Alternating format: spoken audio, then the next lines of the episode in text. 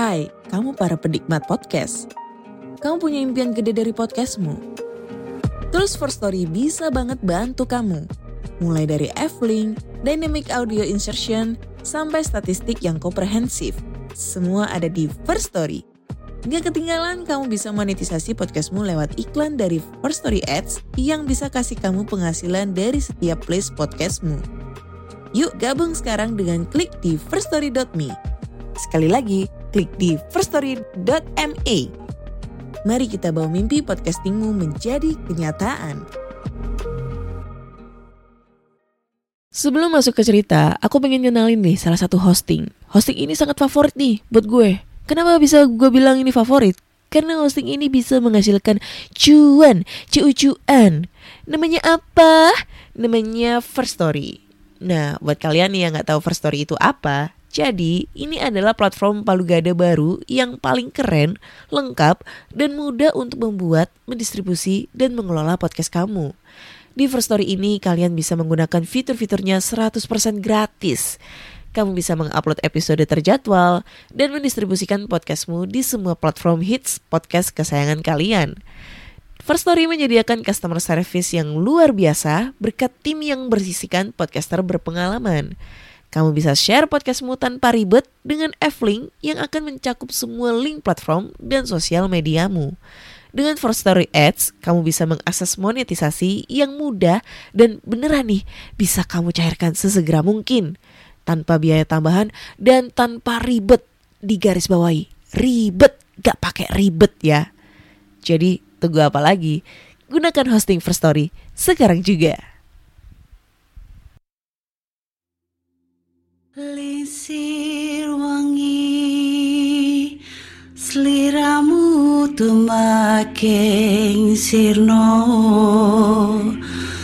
Ojo tangingkanmu guling Awas jok ngetoro.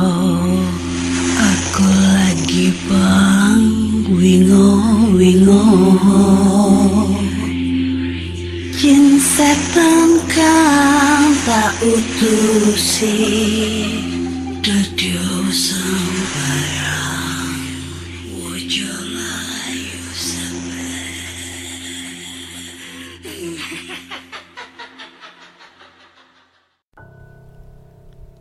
Rek, ya apa kabar? Ketemu lagi dengan aku si Ana di podcast kisah horor. Kita bertemu di episode 242 dan di episode kali ini aku membacakan cerita horor ataupun email berhantu yang sudah dikirimkan teman-teman melalui podcast kisah horor at gmail.com atau DM Instagram podcast kisah horor serta Google Form yang linknya tersedia di bio Instagram podcast kisah horor. Jadi gimana nih kabar kalian semua?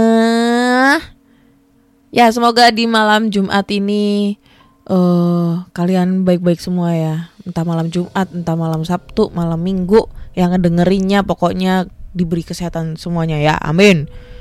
Nggak terasa udah masuk di episode 242 wah 242 keren tuh angkanya ya. Dan langsung aja sih kita bacain cerita yang udah masuk ke email podcast kisah horor.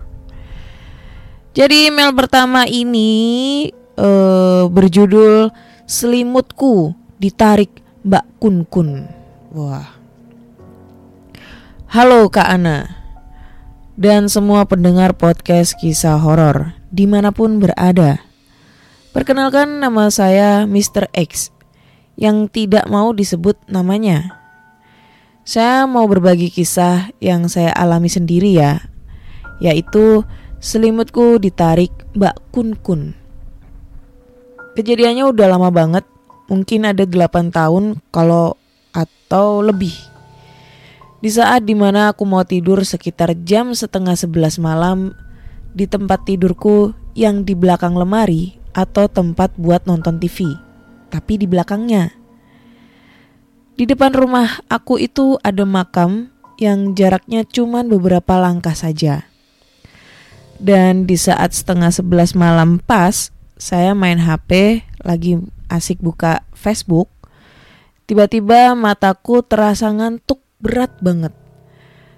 Dan di saat itu juga aku gak aku nggak maksain untuk lanjut main handphone atau lihat Facebook dan langsung mencoba untuk tidur memejamkan mata. Posisi biasa, aku mau tidur itu tengkurap. Pas ketika aku menjamkan mata untuk tidur, baru juga mungkin ada 3 sampai 5 menit selimutku itu kan kupakai sampai ke leher. Tiba-tiba selimutku seperti ada yang narik sampai turun ke pinggang. Sampai tiga kali kejadiannya. Kupikir itu ulah saudaraku atau orang yang ada di rumah nenekku yang iseng ketika aku mau tidur. Nah, pas yang pertama selimutku turun, aku nggak lihat ke belakang atau ke arah kaki aku.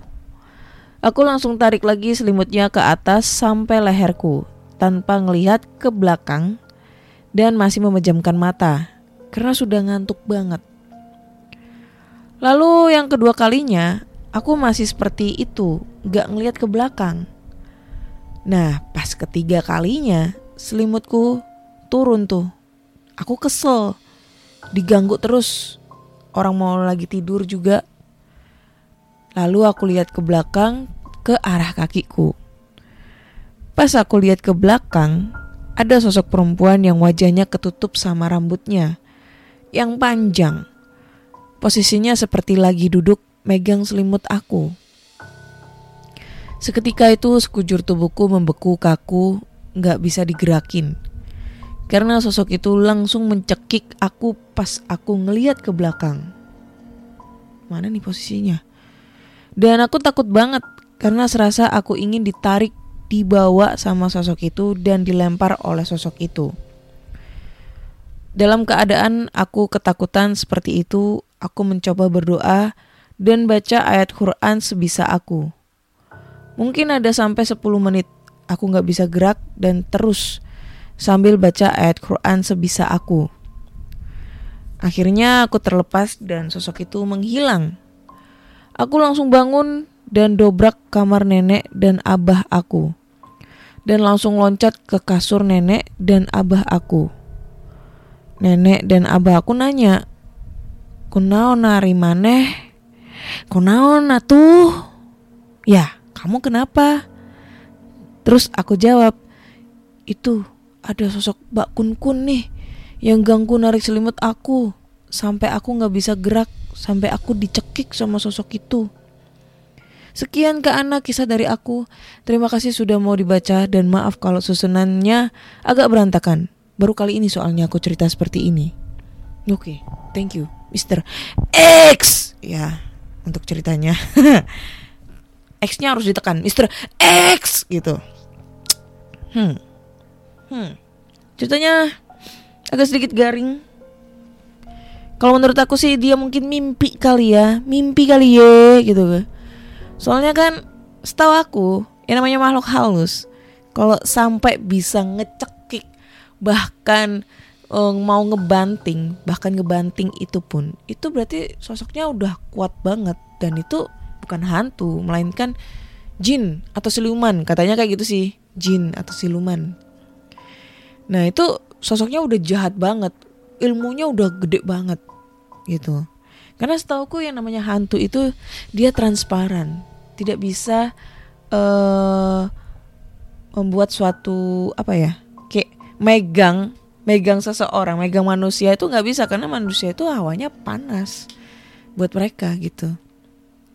Jadi kayak nggak bisa. Gitulah intinya. Gue taunya kayak gitu. Kalau misalnya dia sampai megang itu ya mungkin lu mimpi kali ya mimpi. Karena bisa jadi nih kalau kita mimpi uh, dalam mimpinya itu kita ketemu sama setan dicekik sama setan terus dikejar-kejar setan itu udah udah pasti. Karena gue udah pernah kayak gitu. Gue pernah ngalamin yang namanya mimpi dikejar-kejar kuntilanak atau mimpi ketemu pocong mimpi ketemu apa itu udah pernah. Dan bangun-bangun itu udah keringatan badan kayak capek semua kayak gitu kan karena ya di dalam mimpi kita dikejar-kejar coy kita mimpi berlari ya capek dong kayak gitu jadi ya Mr. X mungkin itu adalah mimpimu itu eh mimpimu itu kejadian horormu itu mimpi. Makanya kalau mau tidur itu berdoa coy ya berdoa sebelum tidur supaya nggak mimpi buruk. Hidup lu udah buruk, jangan sampai mimpi lu buruk juga. Wah. Curhat nih ya, gue gue gue yang hidupnya buruk tahu. Oke. Karena ceritanya kurang horor nih, mari kita tambahkan cerita yang menurut gue horor banget. Gak tahu sih kalau buat teman-teman horor apa enggak. Jadi langsung aja kita bacain cerita kedua nih. Di cerita kedua ini eh, nggak ada judulnya, jadi langsung aja kita bacain ceritanya. Ini dari Mbak Dini. Wah. Mbak Dini, sini dong. Oke. Kejadian ini terjadi beberapa hari yang lalu, tepatnya tanggal 25 Desember 2022 lah. Sekarang 2023 ini bacanya ya, udah lama banget ya. Ketika itu kita mengadakan mini family gathering dengan teman kerja suami dan keluarganya. Kita merencanakan acara ini hampir dua bulan sebelum ham- sebelum hari H. Kita bikin grup WhatsApp yang di dalamnya cuma ada empat kepala keluarga. Kita merencanakan acara ke villa di daerah Megamendung Bogor. Singkat cerita, hari H kita berangkat ke villa. Karena rumah kita semua berbeda-beda daerah, jadi kita janjian langsung di TKP. Sesampainya di sana, kita sudah dijamu makan siang oleh pemilik villa. Kemudian berenang, karaokean, seru-seruan hingga malamnya kita lanjut ber oh, salah. Kita lanjut barbekyuan. Pokoknya hari itu kita semua capek. Tapi ya seneng. Namanya juga lagi holiday, lagi seneng-seneng dan kebetulan anak-anak juga udah pembagian rapot dan libur sekolah. Habis bakar-bakar kita ke kamar masing-masing. Villa itu ada empat kamar, jadi satu keluarga satu kamar. Villa itu ada tiga lantai. Saya kebagian kamar di lantai dua karena suami pengen nongkrong di rooftop malam rooftop salah malam-malam yang katanya eh, biar viewnya ngelihatnya bagus aja gitu. Pas kita tidur ada tiga orang teman suami yang masih nyanyi-nyanyi karaokean di lantai dua deket kamar saya. Waktu itu masih jam 11 atau setengah 12 malam. Saya masih dengar mereka nyanyi-nyanyi. Terus karena nggak bisa tidur, padahal badan rasanya capek banget. Eh gimana sih nadanya? Terus nggak bisa tidur, padahal badan badan rasanya capek banget. Saya emang gitu orangnya, kalau terlalu capek malah nggak bisa tidur. Saya bangun di tempat tidur dan ketika saya bangun berdiri dari tempat tidur, saya menoleh ke tempat tidur. Di situ saya melihat diri saya sendiri sedang tidur bersama suami dan anak-anak. Saya kaget. Saya mikir kalau ini saya terus yang sedang tidur itu siapa? Saya semacam sedang astral projection seperti di film Insid- Insidious. saya coba cubit tangan saya dan tidak berasa apa-apa. Saya pikir, oh mungkin saya sedang bermimpi. Mungkin ini eh, mimpi saya, tapi mimpi ini terasa begitu jelas. Bahkan sangat jelas seperti saya sedang sadar sepenuhnya. Saya berjalan ke pintu kamar dan saya bisa menembus pintu kamar itu. Dengan keheranan, saya lanjutkan berjalan ke arah teman-teman suami saya yang sedang karaokean. Mereka seperti tidak menyadari keberadaan saya di situ. Padahal saya tahu persis posisi mereka seperti apa pada waktu itu. Satu orang di kursi, satu orang di karpet, dan satu orang di kursi dekat setting mic. Saya berjalan melewati mereka dan mereka benar-benar tidak ada yang menyadari keberadaan saya. Saya menembus pintu menuju balkon lantai dua, lalu saya bersandar di balkon sambil melihat pemandangan malam yang sangat indah, tapi sangat sepi.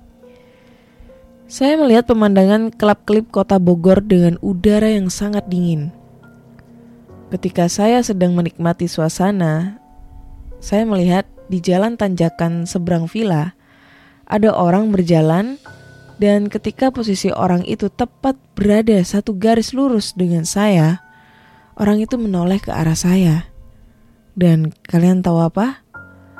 Orang itu berpawakan laki-laki tegap. Tidak kurus, tapi juga tidak gemuk. Memakai baju setelan warna putih seperti baju tahanan yang akan dieksekusi pada zaman dahulu. Dan dia tanpa kepala. Saya shock, saya ketakutan. Ini beneran mimpi atau memang kenyataan? Saya berpikir apa jangan-jangan karena kita sama-sama roh, jadi dia bisa menyadari keberadaan saya di sini. Saya langsung melambaikan badan saya berniat kembali ke dalam kamar. Dan ketika saya meng, apa, membalikan badan ke ruangan karaoke, ternyata itu ruangan sudah gelap. Semua lampu sudah dimatikan. TV, mic, semua sudah dimatikan orang-orang yang sedang nyanyi tadi. Dan mereka sudah tidak ada. Secepat itu, saya merasa saya hanya berada saya hanya merasa uh, beberapa detik saja berdiri di balkon. Kapan mereka selesai bernyanyi? Kapan mereka mematikan lampu? Rasanya terlalu cepat. Saya buru-buru masuk kamar, saya menghampiri badan saya yang sedang tertidur dan saya tidur di atas badan saya sendiri. Tapi saking syoknya, dada saya berdebar. Saya tidak bisa tidur, tapi saya paksa memejamkan mata. Saya merasa diawasi sesuatu dan ketika saya mengintip dengan mata yang sedikit saya buka, saya melihat makhluk tanpa kepala itu berada tepat di ujung kaki saya dan dia berdiri dan berkata dengan bahasa Sunda. Tong Sion, eh, apa sih bahasanya? Tong Sion, Sion, Siun, ah, nggak tahu ah itu pokoknya. Abimah terganggu mah kawasan abi. Iya iya. Ah itulah pokoknya yang artinya. Jangan takut saya gak ganggu. Ini kawasan saya. Heh. kemudian dia berbalik dan menembus pintu kamar. Tidak lama suara azan awal untuk membangunkan sholat tahajud berkumandang. Saya lihat jam menunjukkan jam 3 pagi. Dan suami saya bangun untuk tahajud dari situ saya baru bisa tidur sampai subuh. Dan saya baru berani bercerita kepada suami setelah sampai di rumah. Uh, edit, saya baru notice satu hal. Kejadian itu berlangsung sekitar jam 11 atau setengah 12 malam sampai jam 3 pagi ternyata. Padahal saya ngerasa nggak selama itu. Saya ngerasa kejadian itu berlangsung cuma beberapa menit dan cepat. Dan ketika sarapan pagi, suami ngobrol sama salah satu temannya. Dan temannya bilang, dia baru selesai karaokean dan tidur jam setengah tiga pagi. Kalau memang itu kenyataan, ternyata benar alam dunia yang sebenarnya dan alam mereka berbeda. Lama waktunya seperti cerita-cerita yang pernah saya dengar, tapi karena saya termasuk orang yang mengedepankan logika, saya menganggap itu semua hanya mimpi, saking capeknya. Meskipun terasa aneh dan sangat nyata. Terima kasih sudah dibacakan. Mohon maaf jika kata-katanya berantakan dan kurang untuk dimengerti. Oke, Mbak Dini. Terima kasih ceritanya. Nih, kalau menurut gua ya Mbak Dini mimpi aja kali ya. Mimpi kali ya seperti cerita yang pertama. Ini kenapa ceritanya kayak eh uh, ini ya? Maksudnya uh, endingnya itu sama. Pemikiran pemikirannya itu sama. Mimpi kali ya. Gitu guys. Yang saat yang jadi pertanyaan adalah satu. Orang bisa keluar dari raga terus rohnya jalan-jalan ke mana ngeliat pemandangan ngeliat orang karaoke la la la la nyanyi kan nyanyi lagunya. Apa kek rungkat ente-entean atau apa gitu terus ngeliat sosok gitu kayak nggak bisa di eh apa ya? Kalau misalnya ini real seperti yang dibilang dia melakukan astral projection, kayaknya enggak deh. Ini hanya mimpi aja. Eh kayaknya ya gue kurang percaya tentang hal yang seperti ini. Kalau dia bisa bercerita terus jalan-jalan dan lain-lain. Lalu yang kedua yang menjadi aneh adalah dia ketemu sosok hantu tanpa kepala, tuh ya. Terus dia balik nih rohnya zut. Wah, lari secepat kilat dia masuk ke tubuhnya terus dia berusaha untuk memejamkan mata karena posisinya waktu itu dia sudah sadar tapi dia nggak bisa tidur terus dia ketemu sama eh pas dia mulai buka mata dia ngelihat sosok tanpa kepala itu ada di bawah kakinya dan dia bilang tenang aja aku nggak bakal ganggu ini wilayah aku nah loh ini hantu tanpa kepala. Kok bisa ngomong? Mulutnya di mana itu kan? Kan aneh gitu loh. Yang gue tahu kalau hantu tanpa kepala dia nggak bisa ngomong. Orang nggak punya mulut, nggak ada kepalanya. Ngomongnya di mana? Apa di udel gitu? Atau di ya itu mulutnya ditaruh mana ya? Aneh. Tapi lucu. Tapi aneh. gitu. Mungkin Mbak Dini tuh mimpi bener Lebih baik kedepankan logika Gue bukannya bukannya gue itu kayak semuanya gue anggap skeptik gitu Gue anggap gak percaya bukan Gue gue pasti percaya yang namanya uh, dunia goib gue percaya Cuma kalau cerita kayak gini gue kayak skeptik banget Gue kayak gak percaya Karena gue masih ngedepankan logika Dan gue cuma mikir dia mimpi. Gitu. Sama seperti kayak cerita pertama dia mimpi. Mimpi ketemu sosok uh, kuntilanak yang narik-narik selimutnya. Terus dia dicekek terus dia dibanting. Itu mimpi coy. Ya oke. Okay. mbak Dini. Oke okay, karena cerita pertama dan cerita kedua ini kurang greget kurang oh, kurang huh. Mari kita lanjutkan cerita berikutnya ya cerita ketiga nih cerita terakhir dan gua harap cerita terakhir ini serem oke okay. Oke, untuk cerita ketiga ini cukup panjang dan semoga ini serem ya. Oke. Hai Kak Ana, kenalin nama aku Gustiawan. Panggil aja Awan deh. Jadi aku pengen cerita tentang kisah nyata yang aku alamin. Sebenarnya saya takut untuk menceritakannya. Jadi umur saya 29 tahun dan sudah menikah. Hmm dan nikah lagi Mas Awan. Dan kejadian misterius saya itu ketika saya berumur 18 tahun Yang waktu itu masih bujang Kejadian misterius saya waktu saya merantau di tempat keluarga Di Banjar, Kalimantan Selatan Di tempat keluarga saya itu saya bekerja di pertokoan Tapi saya berhenti karena saya nggak betah karena saya nganggur, terus saya diajak sama paman saya untuk ikut mendulang atau mencari emas. Karena di Kalimantan Selatan banyak emas atau tambang emas orang kampung di sana. Tepatnya di tanah bumbu kalsel. Sebut aja paman saya ini namanya paman Adul dan paman Idar. Dan saya mau ikut mendulang emas untuk pertama kalinya bersama Paman Idar dan Paman Adul serta saya. Kami pun bertiga berangkat. Kami berangkat pagi hari jam 7. Jarak, jarak dari kediaman saya ke tambang emas sekitar 5 jam perjalanan naik motor ke pegunungan dan hutan. Terus kami parkir motor dan jalan kaki sekitar hampir 1 kilometer. Kami pun sampai jam 1 siang. Terus kami beristirahat di pondok pom eh di pondok paman saya. Pondok kami ada di pinggir sungai atau kali.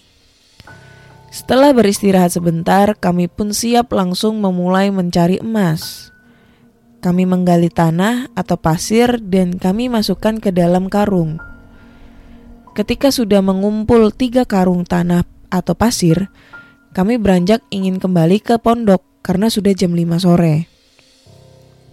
Dalam perjalanan jalan kaki untuk kembali ke pondok kami beristirahat di pinggir sungai, eh gimana sih?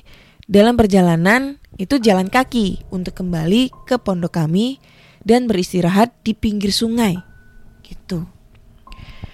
Lalu kami istirahat sambil merokok. Akan tetapi, saya tidak ikut merokok karena rokok saya sisa dua batang. Karena saya hanya membawa sebungkus rokok waktu itu. Hanya Paman Idar dan Paman Adul yang merokok. Paman Adul, eh iya Paman Adul lalu beranjak ingin kembali ke pondok karena sudah selesai merokok. Tinggal saya berdua dengan Paman Idar. Saya duduk dengan Paman Idar. Di tangan saya sebelah kiri, saya memegang HP saya. Di tangan sebelah kanan, saya memegang bungkus rokok saya yang hanya sisa dua batang. Saya lihat terus itu bungkus rokok saya sambil memikirkan. Saya hisap atau tidak ya? Rencana saya mau sisakan rokok saya untuk malam. Setelah makan dan sebelum tidur. Eh, gimana sih? Setelah makan dan sebelum tidur. Karena sisa dua batang. Anjay. Tanda bacanya pusing. Oke. Terus paman Adul ingin beranjak. Eh, salah. Terus paman Idar ingin beranjak. Tapi rokok beliau masih belum habis dihisap. Masih ada di jari beliau. Paman saya lalu berkata, "Paman duluan ya ke pondok." Saya menjawab, "Iya, paman." Lalu saya main HP sambil memikirkan, hisap atau tidak ya rokok ini? Sambil saya lihati terus rokok saya. Lalu tiba-tiba dari belakang sebelah kiri ada orang datang. Dia sendirian menghampiri saya. Tapi saya tidak takut karena saya pikir orang lain yang mencari emas juga. Ketika itu saya tidak memperhatikan paman saya lagi. Orang itu kulitnya putih, tidak pakai baju, pakai celana pendek warna abu-abu, kakinya pendek dan tangan tangannya pendek seperti orang kerdil. Tapi wajahnya tua, rambutnya pendek. Dia membawa kayu yang dipakai untuk membantu dia berjalan. Dia menghampiri saya, lalu dia bicara. Apa itu?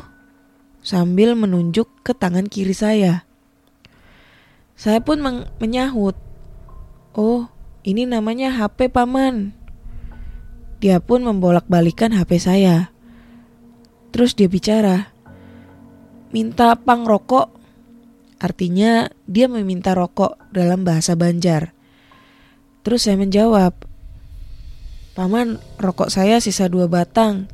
Kita berbagi saja ya. Paman sebatang, saya sebatang, kata saya. Dia tidak menjawab, tapi wajahnya seperti marah. Terus dia berdiri dan berkata, Umpatkah? Artinya, mau ikut saya enggak? Saya pun menjawab, tidak paman. Terus dia berjalan ke arah sungai. Dia pun berjalan turun ke arah sungai yang curam. Akan tetapi seperti orang berjalan biasa saja. Saya tidak sadar dan tetap memperhatikan dia. Ketika dia sampai di pinggir sungai, dia berkata dengan wajah marahnya, lalu dia mengucapkan, Umpat kah? Artinya mau ikut tidak? Dan saya menjawab, tidak paman. Pondok saya tidak jauh, hanya sekitar 100 meter saja. Lalu dia berjalan ke tengah sungai. Saya pun mulai ada kesadaran, tapi belum ada eh belum sadar sepenuhnya. Dia berjalan, tapi hanya semata kaki di sungai tersebut. Padahal sungai itu sangat dalam. Dengan wajah marahnya sambil melotot, dia berteriak, Umpatkah? Ikut gak? Dan saya berkata, tidak paman. Ngotot ya ini setannya. Dan saya pun mulai sadar ketika di dekat paman itu muncul hewan kucing berwarna merah menyala di batu di batu kali sungai itu. Saya ketakutan dan berlari ke pondok saya. Akan tetapi, di pondok paman saya berdua tidak ada. Saya pun ketakutan dan pasrah, sambil terus beristighfar dan hari mulai gelap saat saya lihat di HP udah jam 6 sore. Akan tetapi saya tidak menyalakan senter HP. Saya panggil-panggil paman saya di pondok tapi tidak ada. Saya ketakutan, pasrah sambil membaca ayat kursi. Lalu karena kaki saya kotor dan tangan saya kotor, saya mencuci kaki dan muka saya di sungai yang tidak jauh dari pondok. Terus saya kembali ke pondok. Eh, ternyata paman saya ada berdua di pondok. Saya pun dimarahin habis-habisan karena hilang sekitar satu jam. Perasaan saya lega walaupun saya dimarahin. Kata paman saya, kamu ke mana saja? Kami sibuk mencari kamu ke sana kemari. Jangan berani-berani kamu jalan-jalan sendirian. Saya pun hanya meminta maaf, tapi saya tidak menceritakan kejadian barusan. Setelah itu paman saya berdua sholat maghrib dan setelah itu kami pun makan malam. Setelah makan malam, saya pun menceritakan kejadian yang saya alami ketika bertemu makhluk halus itu. Saya bercerita sambil menangis karena paman saya masih marah karena saya menghilang. Kata saya sambil menangis. Paman, saya minta maaf ya. Saya mau jujur. Saya bertemu dengan orang kerdil dan bla bla bla bla bla bla gitulah pokoknya saya ceritain semuanya. Lalu paman saya pun kaget dan paman saya berkata, "Ternyata kamu bisa melihat makhluk halus." Paman tidak pernah melihat makhluk halus walaupun sudah lama mendulang emas di sini. Paman berdua akan jaga kamu dan paman saya langsung berdoa dan mengaji. Setelah saya bercerita pada paman saya, saya merasakan badan saya itu panas. Saya demam, tapi tidak bilang kalau saya sakit. Dan setelah itu kami tidur bersama-sama. Ketika saya tidur, saya bermimpi bertemu dengan orang kerdil itu lagi. Karena mimpi hanya bisa mengikuti alur dalam mimpi saya. Dalam mimpi, saya dibawa ke tempat yang berbeda. Ada perkampungan dan ramai banyak orang tapi tidak kelihatan wajahnya. Memakai topi sawah dan bajunya sama semua, warna abu-abu. Saya pun diperkenalkan dengan anak perempuan oleh orang kerdil itu. Perempuan itu cantik dan sangat-sangat cantik. Saya pun dibawa oleh perempuan itu, dilihatkan taman bunga, air terjun, danau, dan pepohonan berbuah yang sangat indah seperti layaknya surga. Layaknya seperti orang berpacaran, saya dan perempuan itu sambil melihat pemandangan. Ketika selesai melihat pemandangan, saya pun dibawa kembali ke kampung. Di kampung itu ramai orang-orang mengelilingi saya, tapi tidak kelihatan wajahnya. Saya pun diberi baju yang sama dengan mereka, tapi tidak saya pakai. Terus si bapak kerdil itu mengatakan ingin menikahkan saya dengan anaknya perempuan. Saya pun menjawab, "Iya, Paman." Tapi saya bilang dulu ya sama bapak saya. Orang kampung itu pun senang dan si bapak kerdil itu mengatakan, "Baiklah, kalau gitu saya tunggu. Secepatnya kabarin saya." Terus saya dibangunin oleh paman saya karena saya mengigau karena mimpi. Kata paman, "Eh, eh, bangun, bangun, istighfar." Lalu saya pun terbangun. Kenapa kamu mimpi seperti orang kesurupan sambil tertidur? Setelah bangun, badan saya langsung panas, saya sakit, dan saya merasakan kedinginan. Saya demam dan langsung dibawa pulang malam itu juga.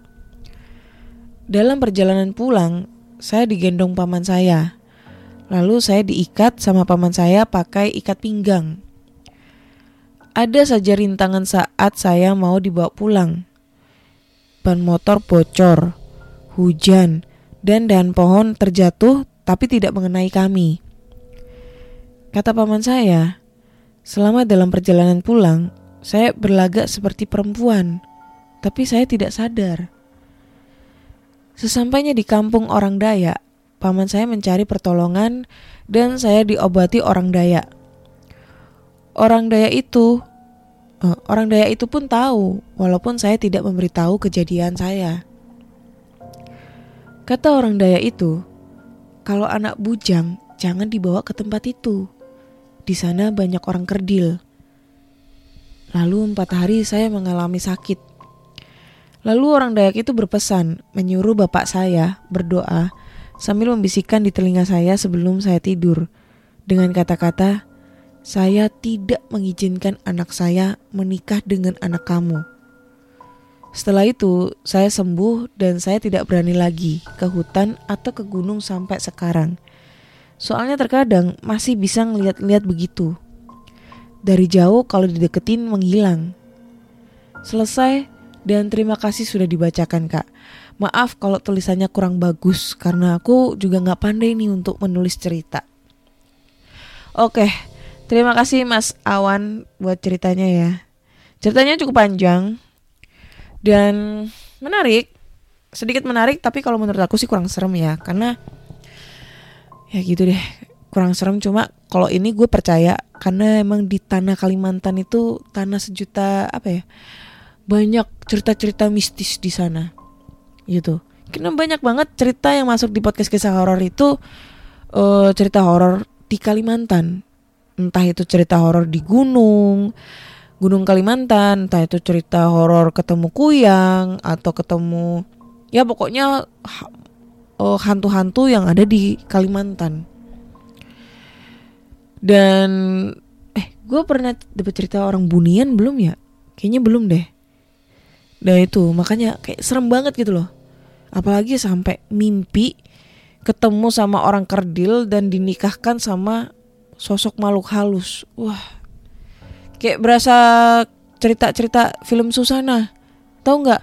Kalian yang pernah ngeliat gak film Susana yang uh, sundel bolong atau kuntilanak itu terus ditancepin paku dia jadi manusia kemudian nikah sama manusia? Apa ya judulnya? Itu ceritanya bagus serem. Kalau kalian pernah ngeliat itu kayak model-modelnya kayak gitu deh. Tapi kan kalau ini kan filmnya Susana kan kayak uh, ditancepin gitu pakai paku terus dia jadi manusia nah tapi kalau kejadian si Mas Awan ini lebih tepatnya di alam mimpi ya, alam bawah sadar. Wah, kalau sampai kejadian gitu pasti wah, serem tuh. Tapi lagi-lagi ini adalah oh, dia mengalaminya di mimpi. Kenapa tiga cerita ini uh, ada sangkut pautnya dengan mimpi? Wah, keren nih. Kenapa bisa kebetulan gini ya? Mimpi, mimpi, mimpi. Ada sih pernah kejadian tiga cerita itu tentang ketindihan, ketindihan, ketindihan. Wah. Oke deh. Gue nggak bisa mikir nih kalau cerita tentang kalau ceritanya itu ada sangkutnya sangkut pautnya sama mimpi. Ki kurang gue nganggapnya tuh kayak kurang real, kurang greget atau mungkin ini hanya ilo, ilusi aja gitu loh. Mungkin karena efek kita sebelum tidur, kita belum berdoa atau sebelum tidur kita nonton film horor atau apa akhirnya kebawa mimpi dan terbayang-bayang. Itu bisa terjadi coy. Kayak gitu guys. Jadi menurut kalian cerita ini garing ya? Iya gue rasa cerita di episode kali ini garing banget Jadi ya harap maklum kali ya So buat teman-teman semua Kalau punya kalian punya cerita-cerita horor Kalian bisa langsung aja kirim cerita kalian ke podcast kisah horor at gmail.com atau DM Instagram podcast kisah horor, DM Instagram Ana Olive serta Google Form yang lainnya tersedia di bio Instagram podcast kisah horor. Jangan lupa subscribe di Noise dan follow juga podcast kisah horor di Spotify agar kalian selalu update cerita horor terbaru nih tentang eh itu cerita horor terbaru. Wes yo kunuto dan jangan lupa kasih rating bintang 5 jika kamu suka dengan podcast kisah horor di Spotify. Akhir kata saya Ana undur diri dan terima kasih sudah mendengarkan podcast kisah horor. Bye bye